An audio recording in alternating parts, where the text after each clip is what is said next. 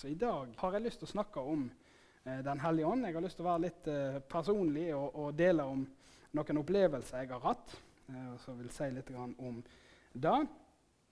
Og så er det sånn at når jeg i dag skal eksemplifisere dette med åndens dåp og åndens kraft og kraft til tjeneste, så kommer jeg ensidig til å bruke kvinner som eksempel. Og det er av en grunn, holdt jeg på å si. Eh, og jeg har kalt egentlig talen for Guds generalinner. Kanskje har noen vært borti Guds generaler. Boka der er jo både menn og kvinner. Men i dag har jeg kalt det for Guds generalinner.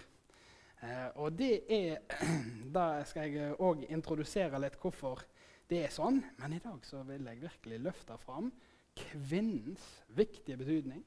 Det blir jo lokalt for det meste i pinsebevegelsens historie hvor sentral rolle de har hatt for den vekkelsen som vi eh, på en måte kan, har en arv tilbake til. Eh, og òg som et eh, Fordi at eh, nå er ikke jeg noe eh, har ikke noe annen eh, på en måte bakteppe eller,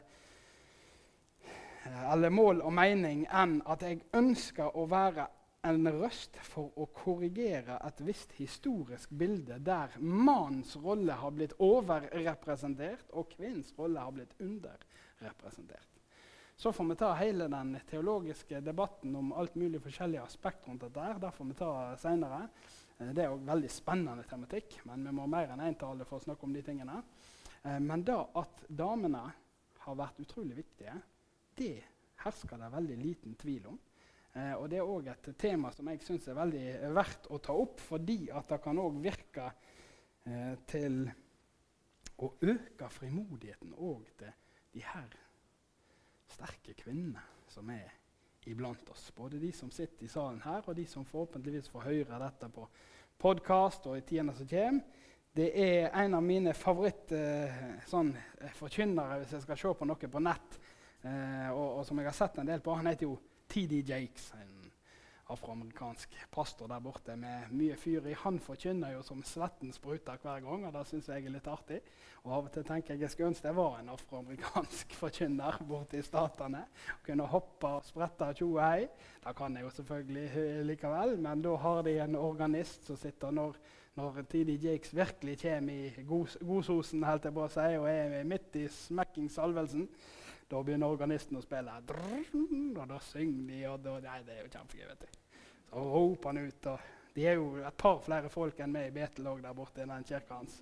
Noen, men det er ikke så nøye, altså, men det er et par flere er de. Så nå roper han ut når han forkynner Kan jeg få et vitne? Can I get a witness? Kan jeg få et vitne på at Jesus lever i dag? Og da spretter folk opp. og uh Det er litt gøy, da. Jeg liker litt sånn action. Så det er veldig gøy. Og TD Jakes han har jo i mange år hatt en konferanse som han har kalt for 'Woman, thou art loosed'. Altså 'kvinne, du er løst'. Og Det er jo en spennende tematikk der han har hatt som eh, mål og mening å få virkelig kvinner åndsfylte, full fyr og flamme, og springe for Jesus i den tjenesten som Herren har kalt dem til. Veldig gøy. Så det er en liten introduksjon til det jeg vil snakke om i dag.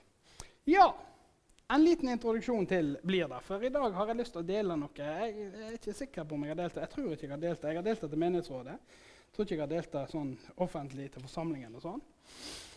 Uh, men i dag har jeg lyst til å dele om en drøm uh, som jeg hadde for en stund tilbake. Som jeg opplever var en uh, Guds drøm. Um, og som på en måte grep tak i meg. Og jeg har jobbet med i etterkant. Lagt litt på hylla, har ikke forstått alt, men jobber med, og, og, og det jobber i meg fremdeles. Og da har jeg lyst til å si dette her. At av og til så har det jo blitt sånn at det er litt vanskelig å snakke om sånne ting som 'Å, Gud viste til meg', eller 'Gud har vist til meg'. Det blir sånne voldsomme ting. Eh, og da har jeg bare lyst til å si med en gang at jeg tror vi må kunne snakke om ting som vi opplever at Gud har vist oss, men vi må være veldig forsiktige med at når vi forteller om ting vi opplever Gud har vist til oss, så likestiller ikke vi det med Guds ord. Det er ikke sånn at når jeg sier Gud har sagt til meg at uh, Ruben skal til Afrika, så er det samme som at uh, det står i Bibelen at Ruben skal til Afrika. Det var jo selvfølgelig bare et eksempel. Uh, og, og, og, der må vi alle bedømme og ta det for det det er. Eh, og Guds ord er Guds ord. Eh, Gud, jeg mener helt som, som, en sånn generell sannhet at Gud vil aldri tale til meg om noe du skal gjøre, uten at han òg taler til deg om det du skal gjøre. Det er ikke sånn at Gud har kalt meg til å være pastor for at jeg skal fortelle deg hvordan du skal leve livet ditt først og fremst. Jeg skal undervise fra Guds ord, jeg skal legge til rette for mange ting. Eh, men når det er sånne tiltaleting, så er det mer for at vi kan ta det med oss hjem, be over det, dømme det sjøl. Og jeg kan fortelle hva det betyr for meg, men du må finne litt ut hva betyr dette for deg. Gir dette mening? Takk. men, men oh, can I get a witness? Men, eh, men, men så, jeg tenker det er litt viktig der for, for, at vi skal kunne ta imot budskapet. Men det gjør òg at vi kan være frimodige når vi opplever at Gud taler til oss. Vi kan tørre å si 'Jeg opplever faktisk at Gud sa sånn til meg'. Og så kan du få lov å si 'Ja, men det var fint for deg. Jeg tror ikke deg i det hele tatt'. I hermetegn. Altså, sant? Det, det skjønner hva jeg mener. Men det kan få ta det hjem og, og dømme det sjøl. OK? Amen. Da har jeg, eh, føler jeg jeg har introdusert dette så best som jeg kan. Så som, eh, Jeg begynner rett og slett med den uh, drømmen. Jeg hadde en natt Jeg uh, husker ikke helt datoen der jeg skrev ned en plass, men det har jeg sjekka opp på forhånd. det er en stund siden.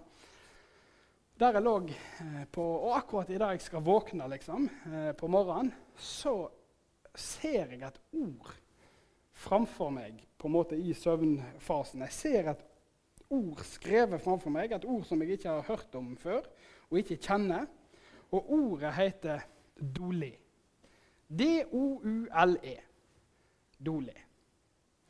Og jeg leser ikke så veldig mye Donald Duck. Ole Dole Doffen, men det var ikke helt der. Men Dole står det framfor meg der. Og jeg våkner opp, og, og det føles som at dette ordet er viktig. Det er den opplevelsen jeg våkner opp med. Og så Det første jeg gjør, da, er å for, finner jo fram telefonen, begynner å søke litt på dette ordet her. Og så viser det seg at dole er et gresk ord. Uh, og det er et ord som står i Bibelen, i Det nye testamentet. Og det er et ord som betyr tjenestekvinne. Den mannlige versjonen av dette ordet uh, har jeg hørt om før. Den, det er dulos. Dulos tjeneste, gutt eller slave. Eh, og da den kvinnelige versjonen av dette er dolé. Så tenker jeg ja, det var jo spesielt å få et sånt eh, ord. Liksom Våkne opp med det ordet. Det var noe underlig. Hvorfor skal jeg våkne opp med det ordet der? Så jeg søker jo opp. Jeg, jeg, sånn, eh, jeg bruker en sånn eh, Strongs, heter det, som, eh, der du kan se grunnteksten og søke opp på forskjellige ord. og Se hva ordet er, brukt i grunnteksten her. En konkordans. Og så slår jeg opp dette, og så viser det seg at dette begrepet dolé det står tre plasser i Det nye testamentet. Det er tre plasser det er nevnt i teksten, og jeg skal nå, så jeg begynner å lese de plassene. og Første plassen det står, det er de to første de står i Lukas kapittel 1. Eh, og Da leser jeg eh, sammenhengen til dere. Um, og så skjønner dere hvor ordet 'tjenestekvinne' det er jo da dolé-ordet. Eh, og Da leser jeg eh, noen vers i konteksten her. Engelen, det er jo i Lukas kapittel 1, vers 28. Engelen kom inn til henne, altså Maria, og sa:" Vær hilset, du som har fått nåde. Herren er med deg. Hun ble forskrekka over engelens ord og undra seg over hva denne helsingen kunne bety. Men engelen sa til henne, 'Frykt ikke, Maria, for du har funnet nåde hos Gud.' 'Hør, du skal bli med barn og føde en sønn, og du skal gi ham navnet Jesus.' 'Han skal være stor og kalles den høyestes sønn, og Herren Gud skal gi han eh, hans far Davids trone.' 'Han skal være konge over Jakobs hus til evig tid.' 'Det skal ikke være ende på hans kongedømme.' Maria sa til engelen, 'Hvordan kan dette kunne skje?' når jeg ikke har vært sammen med noen mann? Da svarte engelen, Den hellige ånd skal komme over deg. Og den høyestes kraft skal overskygge deg. Derfor skal barnet som blir født, være hellig og kalles Guds sønn. Og hør, din slektning Elisabeth venter en sønn, hun også, på sine gamle dager. Hun som de sa ikke kunne få barn, er allerede i sjette måned, for ingenting er umulig for Gud. Da sa Maria, sjå, jeg er Herrens tjenestekvinne. La det skje med meg som du har sagt. Så forlot engelen henne. Dette er den første forekomsten av ordet dolé. Jeg er Herrens tjenestekvinne. For meg er dette en sterk beskrivelse av eh, Og jeg syns det er Maria som denne unge jenta som får dette heftige budskapet fra en Herrens engel. Jeg vet ikke om en helt klarer å sette seg inn i hvor hvor revolusjonerende en opplevelse det der egentlig må ha vært eh, når engelen står framfor og sier du skal føde en barn som er Guds sønn. og det, det, Hans kongedømme skal ikke være ende på. og Det, det er heftige saker. Står midt i verdenshistorien. Og det er klart at Maria eh, hun skjønner ikke bæret av hvordan dette kan skje. Eh, men det er òg responsen hennes. Hvordan skal dette kunne skje? Og der får hun et glimrende svar på Den hellige ånd skal komme over deg. Den høyestes kraft skal overskygge deg. Og det er noe med Den hellige ånd som kan skape det livet som er umulig for oss å skape på egen hånd. Det som er umulig, og det er jo Lukas 1,37, for ingenting er umulig for Gud. Gjennom Den hellige ånds virke og kraft så blir faktisk det som er helt umulig mulig. Videre så eh, Neste forekomsten av dette ordet dolé det er jo eh, litt senere i kapittelet når Maria har en sånn eh, Hun har jo en lovsang, Marias lovsang. 'Michel opphøyer Herren', og min ånd fryder seg i Gud, min frelser, for han har sett til sin tjenestekvinne i hennes fattigdom. Og sjå, fra nå av skal alle slekter prise meg salig. Ja. Ja. ja, riktig, riktig. Ja, det var sterkt.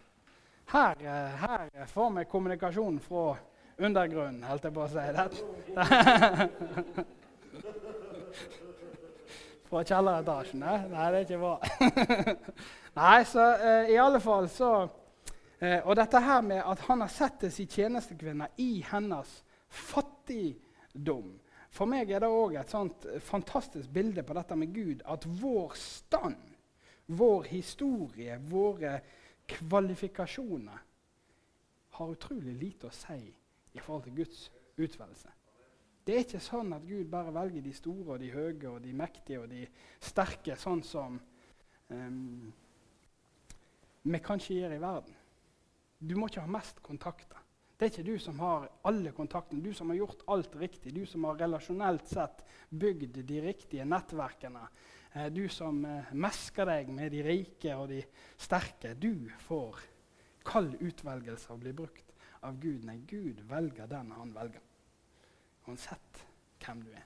Og det er fantastisk. Og da blir òg selvfølgelig da en stor kilde til den lovsangen som stiger opp til Gud. For vi som ingenting er, kan likevel bli utvalgt av Gud til å være en del av verdenshistorien. Det er jo sånn med historie eh, at eh, når en, når en snakker om historie og en snakker om hvordan historien er blitt skrevet, ikke minst i tidligere tid og i nyere tid, så prøver de å korrigere litt på det. Men generelt sett er verdenshistorien skrevet rundt sterke menn som har mye makt, og hvordan de utøver den makten. Konger, generaler, politikere blir det skrevet historie om. Og Da er det en historiker som har poengtert at en av de veldig store unntakene fra det historiske verket vi har, er faktisk Bibelen. Bibelen er historien om den vanlige mann i gata, om tjenestegutten og tjenestepiken som får lov å være med og skape historie. Og Det syns jeg er et fantastisk konsept. Og veldig sterkt vitnesbyrd om hvordan vår Gud fungerer. Det er ikke den rike statusen som får styre med oss, men det er Guds utvelgelse. Gud velger den han vil. Og, og det, Bibelen sier jo sjøl han velger jo den som ingenting er, for å gjøre til skamme det som er noe i denne verden. Og på den måten viser han òg sin makt. Fantastisk. Så det er jo en sterk tilknytning, dette dolé-begrepet, med Den hellige ånd. Og eh, hvis noen har eh, resonnert litt eh, og falt i egne tanker når jeg har delt det jeg har delt, så har det kanskje kommet fram til sjøl hvor neste og siste forekomst av dette er. Det er jo apostlenes gjerninger, kapittel 2, fra vers 17 og utover. Der leser jeg I de siste dager skal det skje, sier Gud, at jeg øser ut min ånd over alle mennesker. Deres sønner og døtre skal profetere, de unge skal se syn, og de gamle skal drømme drømmer. Selv over mine slaver og slavekvinner vil jeg i de dager øse ut min ånd. Og de skal tale profetisk. Jeg setter varsler oppe på himmelen og tegn nede på jorden. Blod og ild og røykskyer. Solen skal forvandles til mørke og månen til blod før Herrens dag kommer den store og strålende, men hver den som påkaller Herrens navn, skal bli frelst. En utøselse av Den hellige ånd er henta fra Joel. Men i Joel er det ikke skrevet på gresk, derfor fins ikke det ordet der. Det fins i apostlenes gjerninger, der det er oversatt til gresk. Den hellige ånd øses ut over alt kjøtt. Eh, og det er jo det jeg syns er grådig spennende, og det som jeg òg tenker og snakker med David Østby om, at nettopp denne allmenngjøringen av åndens utøselse er jo en fantastisk styrke for oss. At ikke bare pastoren skal få, eller den store evangelisten, den verdensvide, hvem det nå enn måtte være som gjør en stor tjeneste, får tilgang til Den hellige ånd. Nei, Den hellige ånd er tilgjengelig for meg og deg. Til og med ute på Frekke.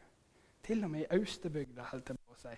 Der er Den hellige ånd tilgjengelig for oss. Og det er ikke sånn at Den hellige ånd kommer over oss, og så skal vi alle bli seende helt like ut og gjøre alle de samme tingene. Alle skal bli til David Østby. Det er ikke det som er poenget. Men Den hellige ånd skal virke i oss alle med kraft og utrustning til tjeneste for Han. Og du og jeg, vi vet faktisk ikke, vi er ikke i stand til å forutse hvordan Gud har tenkt å bruke oss når vi blir fylt av Den hellige ånd og lærer å vandre med Han. Det er grenseløst. Og jeg har lyst til å ta noen eksempel på, eh, på dette med Den hellige ånd. Og vi snakker gjerne om da, åndens dåp. Det er jo dette store begrepet som ble snakket mye om før, og kanskje litt mindre om nå. Men det å bli døpt i Den hellige ånd. Som en gjerne vil beskrive eh, pinsedag, som vi leser om i Apostelens gjerninger på, når ildtunge kommer over dem, og de begynner å be på forskjellige tungemål, eh, og folk hører evangeliet på sitt eget språk. Dåpen i Den hellige ånd. Sist jeg talte, så kalte jeg for en åndelig gjennombrudd og gjennombruddsopplevelser. Det står jeg virkelig for. Det er først og fremst et åndelig gjennombrudd, dernest et kommunikativt mirakel. Eh, og dette åndelige gjennombruddet, da må ikke vi gi opp. Fordi at det er ikke bare sånn at vi trengte det i 1906, 1907 og årene etterpå når pinsebevegelsen skulle lages. Det er ikke bare sånn at disiplene trengte det når kirken skulle bli etablert på pinsedag for 2000, 2000 år siden. Men dåpen i Den hellige ånd, fylden av Den hellige ånd, trenger hver eneste generasjon for å være i stand til nettopp som det står i Apostelens gjerninger 1,8, få kraft til å være hans vitner. For vår vitnesbyrd er ikke bare med ord, ikke bare med fantastiske formuleringer, ikke bare god filosofi. Det er ikke politikk, det er ikke bare verdier som vi skal prege neste generasjon med. Det er et liv i Gud som skal prege oss. Og faktisk Vi holdt ikke på med eh, bare en eh, filosofering, verdigrunnlagsdannelse, politisk innflytelse, selv om alle de tingene der kan være bra. Vi holdt på med en indre transformasjon der Den hellige ånd kommer over oss og forandrer oss på innsida og ut.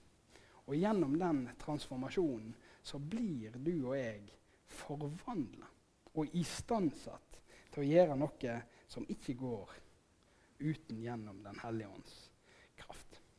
I historien, interessant nok, så kjenner vi veldig godt TB Bebarat, f.eks. Det er pinsebevegelsens far i, i eh, eh, Nord-Europa, eller i Skandinavia, Norden i alle fall, men med stor betydning i Europa. Eh, og han kom jo tilbake etter han hadde blitt døpt i Den hellige ånd. Han var jo metodistpresten som reiste på for å ha en innsamling i USA. Eh, fikk da reise bort til USA akkurat denne tida der vekkelsen i Asusa Street hadde brutt løs. Eh, og han i New York fikk oppleve eh, dåpen i Den hellige ånd. Dette begynte han å skrive tilbake. Han holdt på å skrive i Byposten. heter vel den avisen der. Han skrev tilbake om denne opplevelsen her. Og når han da kom tilbake igjen til Norge etter denne reisa, så var det jo en stor forventning til å få høre da denne pastor Barrat og hva han hadde opplevd der borte. Mange kjenner kanskje en god del av denne historien. og Det brøt ut en stor vekkelse i Norge gjennom det arbeidet der, der mange ble berørt, fikk oppleve åndens dåp. Og de møtte også vanvittig motstand. Eh, og ble ikke populær i alle kretser, det kan vi vel si. TB Barrat ble jo gjerne tegna på i eh, eh, avisene, i, vanlig presse. Ble han jo tegna som mannen som kom på sopelimet og talte i tunger fløy innover byen og hadde der, sånne slangetunger i karikaturtegningene og fløy på en sopelime. Eller han ble avtegna med at han lå med slangetunger på ryggen på møtet, og, og var, alle var livredde rundt, rundt han. Sånn at det ble ikke veldig godt mottatt i alle mulige sammenhenger, det som skjedde, men det hadde en enorm kraft og spredde seg egentlig som ild i tørt gras. Det som mange ikke eh, vet like mye om i historien, er hvordan var det for TB Barrat når han skulle bli døpt i Den hellige ånd. Hva var det som skjedde?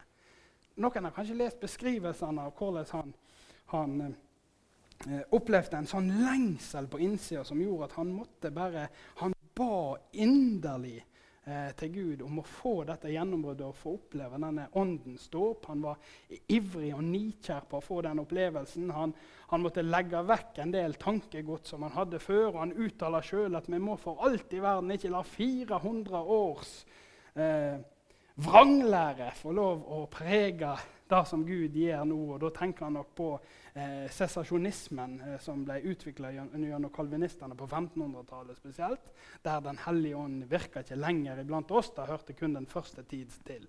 Og bare at han eh, skriver at vi må ikke la 400 års eh, ranglære få lov å prege disse tingene her. Dette må vi ta imot villig. Eh, ja vel, og han, og han var en dyktig eh, skribent og skrev mye forsvarsverk og, og forsvarte ut ifra Guds ord dette med åndens dåp. Men når han sto der borte og kriga i bønn for å få den opplevelsen og kom ikke gjennom, så var det noen som kom han til hjelp. Og det var ingen bror, men det var derimot en søster. Eh, som kom han til hjelp. Og da hadde det seg sånn at det var ei dame som het for Lucy Leatherman. Nei, Lucy Farrow først. Lucy Farrow hadde vært i eh, Azusa Street opplevd åndens dåp, hadde tatt dette med seg. Eh, og eh, gjennom hennes eh, på en måte vitnesbyrd og forbundshandling og tjeneste så hadde da Lucy Leatherman blitt døpt i Den hellige ånd. Og når TB Barrat skulle bli, liksom komme gjennom, han måtte ha veiledning, han måtte ha råd, hva skal jeg gjøre, noen må be for meg, så var det ingen mann som var tilgjengelig å be for han, men Lucy Leatherman hun var der. Og TB Barrat skriver selv i en av hennes bok han er jo litt sånn Nesten litt sånn vegring. Skal virkelig jeg komme her? Dette var jo på begynnelsen av 1900-tallet. Skal virkelig være sånn at jeg, pastor Barrat, skal motta åndelig veiledning fra en kvinne? Ikke pastor engang. Så han, sånn, eh, han, var litt betenkt for den saken, men han, uh, hungeren var så stor at han ga seg etter for det der. Eh, og så eh, Lucy Leatherman veiledet han, snakket med han og underviste om de forskjellige ting. Og så hadde hun ei venninne som heter Maud Williams. Og Maud Williams hun holdt møter, for hun òg hadde opplevd åndens dåp. Og begynte da sånn som veldig mange faktisk kvinner gjorde i den første tida i pinsebevegelsen, begynte sånne husmøter. der det var samlinger og fokus på å bli døpt i Den hellige ånd. Hun hadde møter der. Så da reiste TB Barat der og opplevde da åndens dåp gjennom at Lucy Leatherman ba for han i lag med en kar fra Norge som kom der. Og han begynte da å be i tunger og litt forskjellig. Det, var, det er litt mer historie rundt dette der. Men det eh, er jo, syns jeg, superinteressant hvordan det er underrapportert. Men likevel, de var så viktige. De, de, disse damene hadde opplevd åndens dåp. Og de tok tak og holdt husmøter og inviterte folk. Og folk ble døpt i Den hellige ånd, bl.a. TB Barrat, som fikk så enorm betydning for oss her på berget, eh, som de sier. I tillegg er det jo interessant å merke seg at når det som er ofte sporer til en av disse forløperne, viktige forløperne til pinsevekkelsen, snakker vi om en, en bibelskole i Topeka. Og der, på den bibelskolen eh, så var det jo nettopp ei kvinne som var den første som opplevde å få eh, å tale i tunger. Å få denne åndens dåp. For da, på denne bibelskolen her, da er vi jo på med pinsebevegelsens far, kalles han gjerne for, Charles Parham, som har denne skolen her. Eh, og de hadde dette spørsmålet, eh, som preger den første pinsebevegelsen mye. Hva er tegnet på den åndens dåp? Og Det er blitt modifisert litt i senere tid, men da tenkte de på den tida der, og var veldig opptatt av at å be i tunger, eller tale i tunger, Parham han mente da tungetale som var ikke bare som bønnetunger, men altså andre språk. At du talte i andre språk eh, enn ditt eget språk. Senolalia. Andre, eh, men, men, forståelig språk på andre måter. Da mente han da, så er det blitt modifisert litt. Grann. Men i alle fall så var det da eh, Agnes Osman som opplever dette først. Og hennes vitnesbyrd ble jo veldig viktig for Eh, den videre eh, utviklingen på skolen og mennesker som ble døpt i Den hellige ånd. Og eh, var en viktig forløper til Asusa Street i 1906. Spennende saker og veldig gøy, syns jeg, å, å, å, lese litt av denne historien og å se dette hvor, hvordan her, dette, Det er ikke en bevegelse av bare mannfolk som sitter og studerer teologi og drikker kaffe i lag, og så er det en eksplosjon av forskjellige ting. Det, det, det, dette er en bevegelse som inkluderer alle. Både menn og kvinner hadde en utrolig viktig rolle.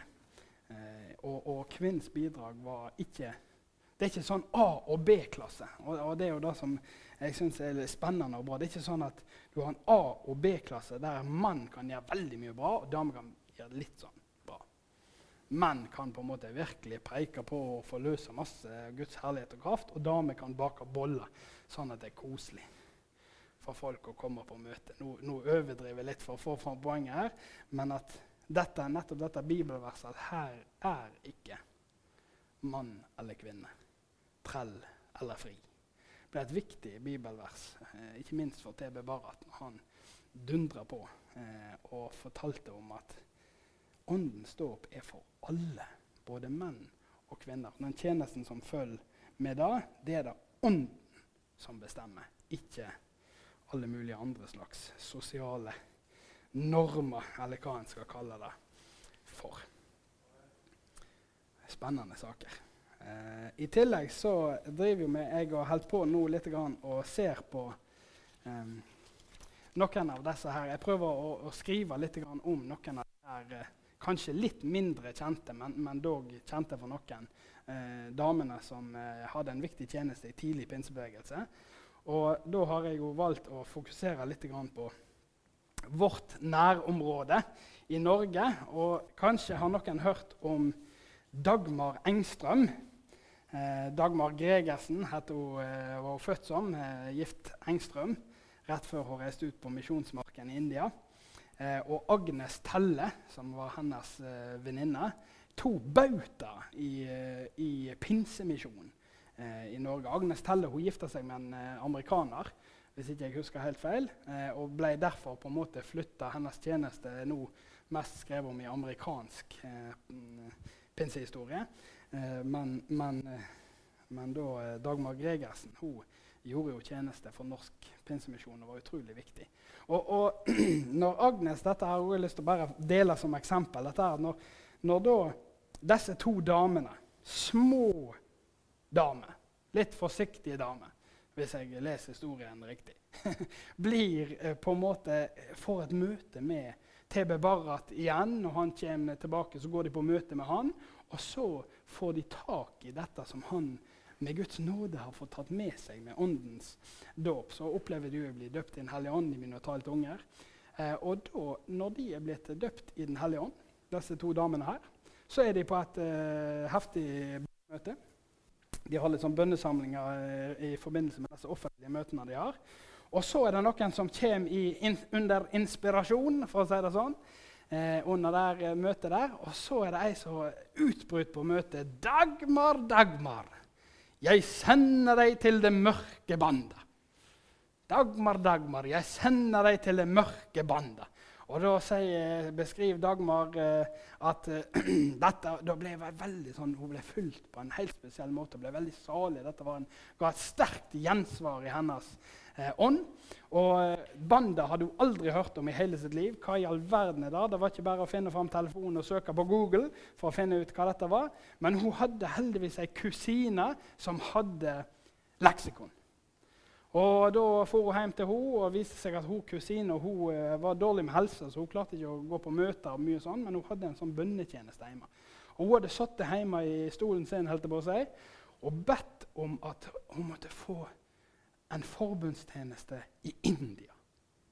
India hadde liksom lagt på hjertet. Så satt hjemme og ba. Gud, må du, Hun hadde fått noe fra Afrika, som hun følte en tjeneste der. Hun hadde fått noe en annen plass, husker ikke hvor det var. Sikkert Asia, eh, for alt jeg vet.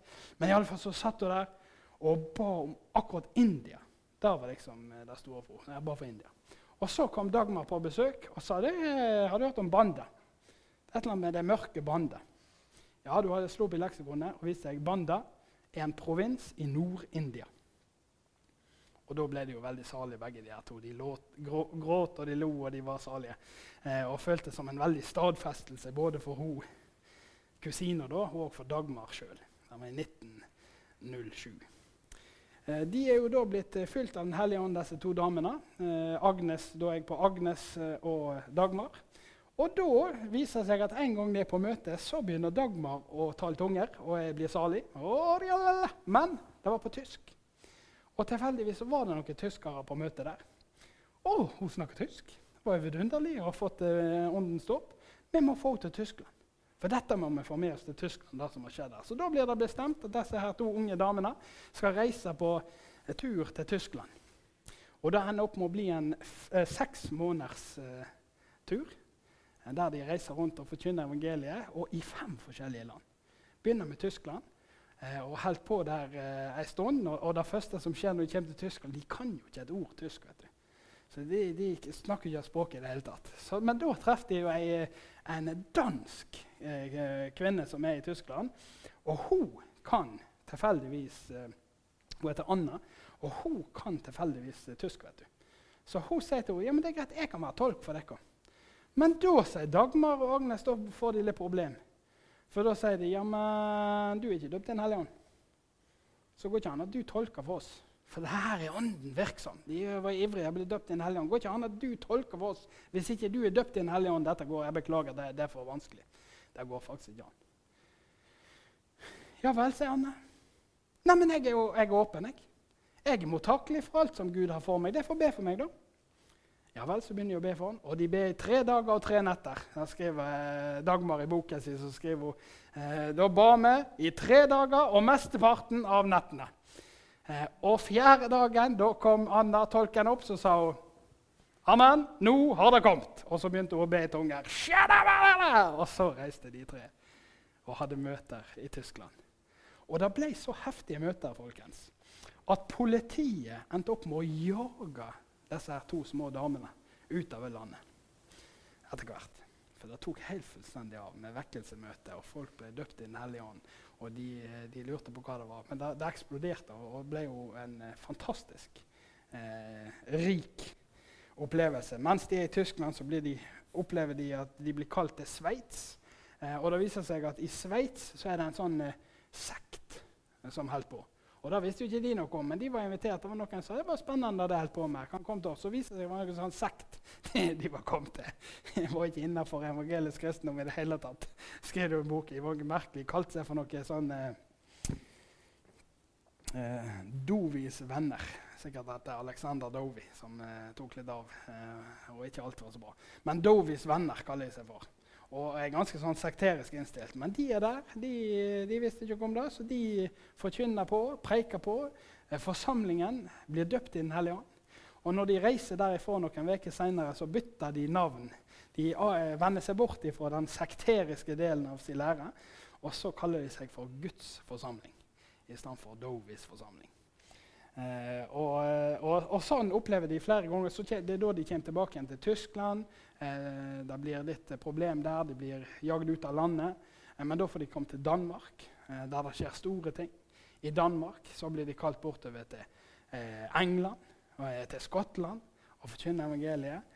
Og etter hvert så går, ender de opp i USA, der de går på misjonsskole i ett år.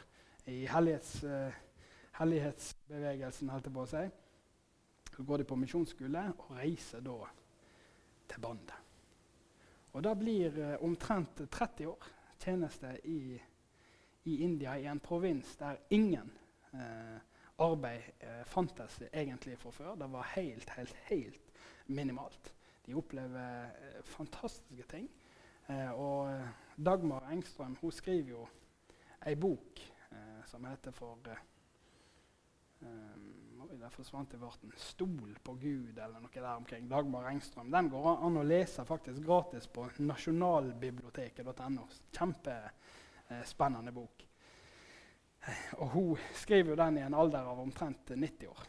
Eh, og er frisk og rask. Får lov å besøke eh, nå husker jeg ikke akkurat årstallene, men hun besøker jo det arbeidet hun har gjort. Hun reiser jo hjem etter hvert. Men som 80-åring så reiser hun ned igjen til India eh, og besøke det arbeidet som hun var med på å begynne, som er i god fart og, og god funksjon fremdeles. En sterk historie, fantastisk å lese. Og Dagmar Engstrøm går jo da inn i historien som en av våre virkelig kvinnelige helter. Marie Monsen er jo mange andre som kunne kjenne, kunne fortalt om henne òg. Eh, men, men, for meg er det i hvert fall et poeng, og veldig spennende og kjekt, å løfte fram disse her heltene som vi har. Vi har en del misjonshelter, ikke minst. Eh, som er damer som er noen tøffinger av, av, rang. Så da vil jeg si avslutningsvis i, i dette i alle fall at eh, her fins ikke mann eller kvinne, trell eller fri. Det er mye mindre begrensninger som fins på eh, de forskjellige ting og aspekter når det er snakk om å bli fulgt av Den hellige ånd. Og for oss å ha et, eh, et fokus og en raushet på å slippe hverandre fri til å løpe det løpet som Gud har for oss, det tror jeg er fantastisk. Og det er vel verdt. Vi skal snakke mer om eh, forskjellige aspekter og om Den hellige ånd for øvrig, men i dag hadde jeg lyst til å ha en liten sånn Guds generalinner. Eh, historien kan jo være fantastisk inspirerende noen gang. Og ikke bare for at vi får lytte på og høre det fantastiske Gud har gjort, men fordi at det fantastiske Gud har gjort, er et sterkt vitnesbyrd for oss om hva Gud òg er i stand til og ønsker å gjøre med våre liv i vår framtid.